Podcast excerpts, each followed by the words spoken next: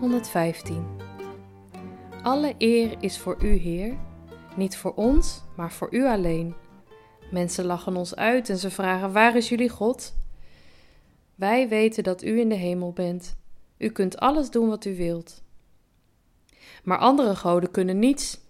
Het zijn beelden van zilver en goud die door mensen gemaakt zijn. Die hebben een mond, maar ze kunnen niet praten. Ze hebben oren, maar ze kunnen niet horen.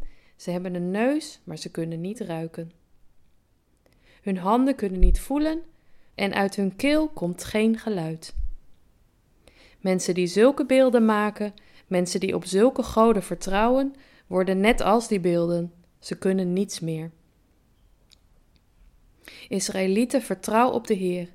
Hij helpt jullie, hij beschermt jullie. Priesters, vertrouw op de Heer. Hij helpt jullie, hij beschermt jullie. Dienaren van de Heer, vertrouw op Hem. Hij helpt jullie, Hij beschermt jullie. De Heer denkt aan ons. Hij geeft ons geluk en vrede. Hij geeft geluk en vrede aan alle Israëlieten en aan de priesters. Hij geeft geluk en vrede aan al zijn dienaren, van klein tot groot. Hij zal ons allemaal veel kinderen geven, veel kinderen en kleinkinderen. De Heer zal ons geluk en vrede geven hij heeft de hemel en de aarde gemaakt. De hemel is van de Heer, maar de aarde heeft Hij aan de mensen gegeven. De doden kunnen de Heer niet prijzen, want zij zijn in het stille land van de dood. Maar wij, wij zullen de Heer danken, nu en altijd. Halleluja.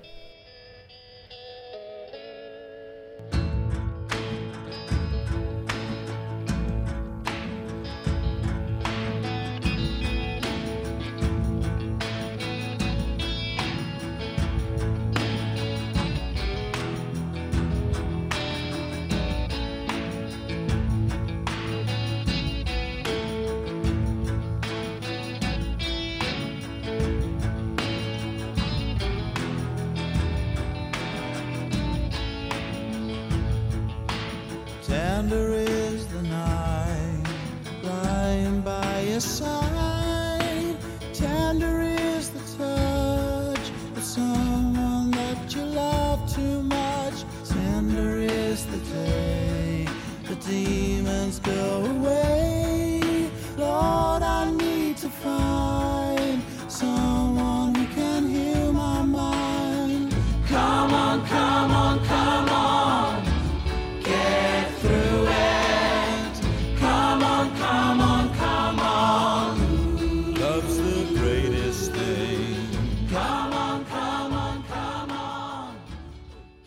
Er zijn veel mensen die gehandicapt door het leven moeten.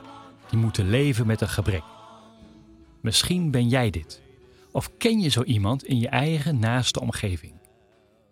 Mensen met een beperking leven daar ieder moment mee.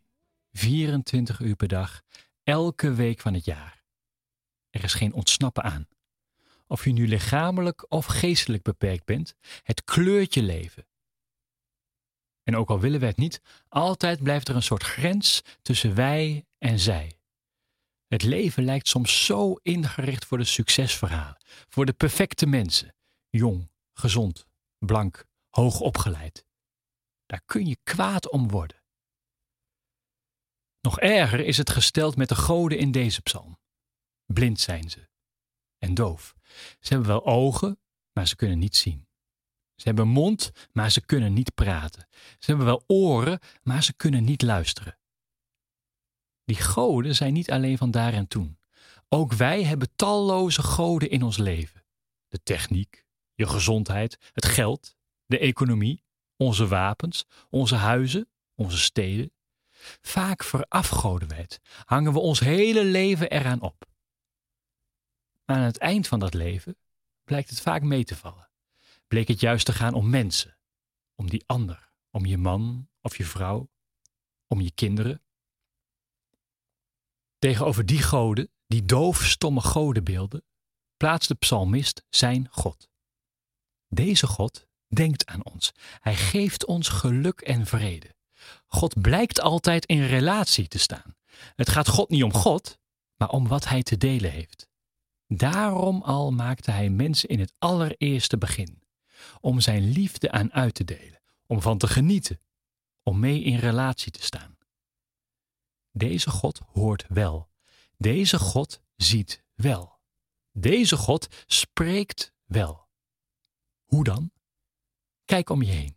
Kijk om je heen en luister. Zijn stem zal ook vandaag ongetwijfeld ergens te horen zijn. Wij weten, zo zegt de psalmdichter, dat u kunt doen wat u wilt. Dus ook je beperking wegnemen, voor altijd beter zijn?